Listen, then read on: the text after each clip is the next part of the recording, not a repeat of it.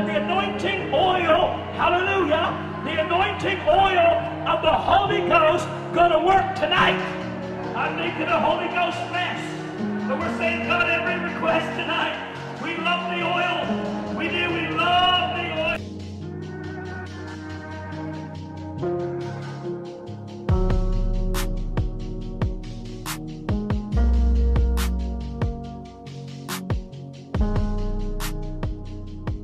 Let goed op, lieve mensen, vers 22 van Matthäus 7. Velen zullen op die dag, welke dag? De dag des oordeels. Velen zullen op die dag tot mij zeggen, Heere, Heere. Hey, dit zijn mensen die de Heer Jezus Heere noemen. Niet alleen Heere, maar Heere, Heere.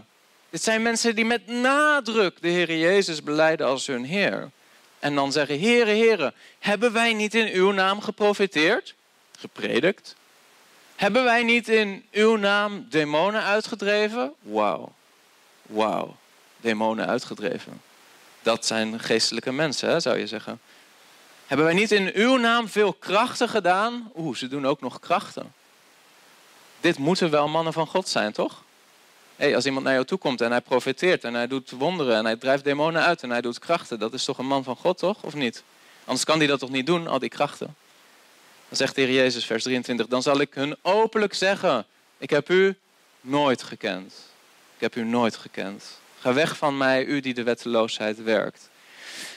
De Heer Jezus zegt daar niet, ja, jij was op een dag een ware gelovige en toen kende ik je, maar daarna ben je afgevallen. Dat zegt de Heer Jezus niet. Hij zegt, ik heb u nooit gekend. Het zijn mensen die nooit opnieuw geboren zijn geweest, nooit een waar kind van God zijn geworden, maar wel profiteren, demonen uitdrijven, grote krachten doen. En de Heer Jezus waarschuwt later dat er valse Christussen zullen zijn en valse profeten die grote wonderen zullen doen, zodat als het mogelijk zou zijn, zelfs de uitverkorenen misleid zouden worden.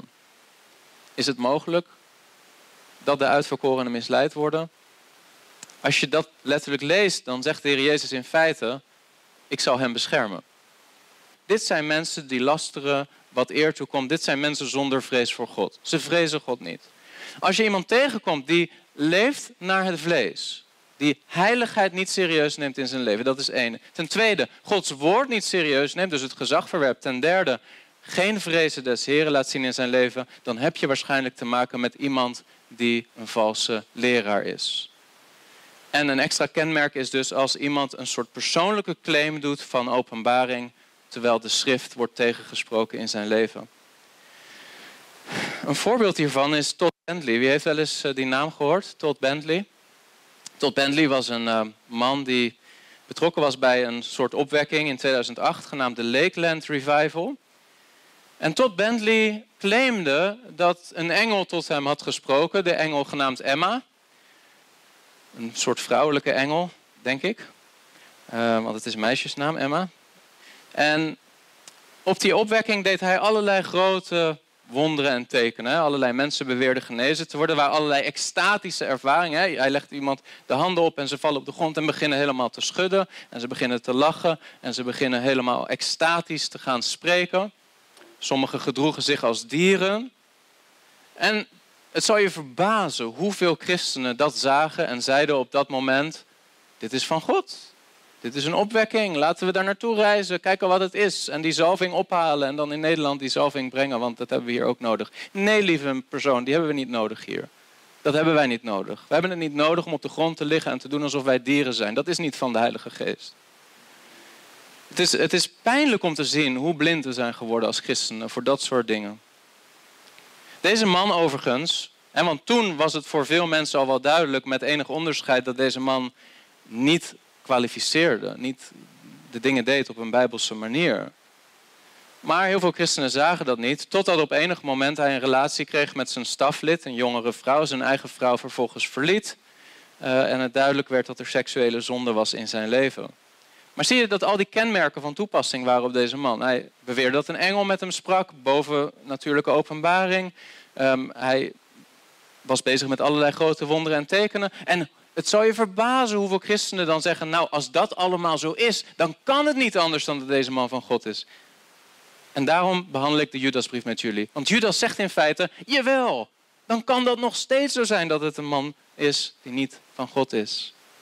De hele islam is gestart met een man die beweerde dat een engel tot hem sprak.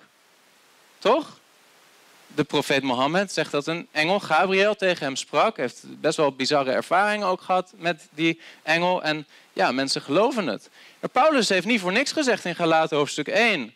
Al waren het dat zelfs een engel uit de hemel u een ander evangelie zou verkondigen dan het evangelie wat ik u verkondigd heb, die zei, welkom in de kerk. Nee, vervloekt. Vervloekt. Oké. Heb je iets gehad aan deze video? Druk dan op like, dan zullen meer mensen deze video zien. En wil je vaker dit soort apologetische video's zien? Abonneer je dan op dit kanaal. God zegen.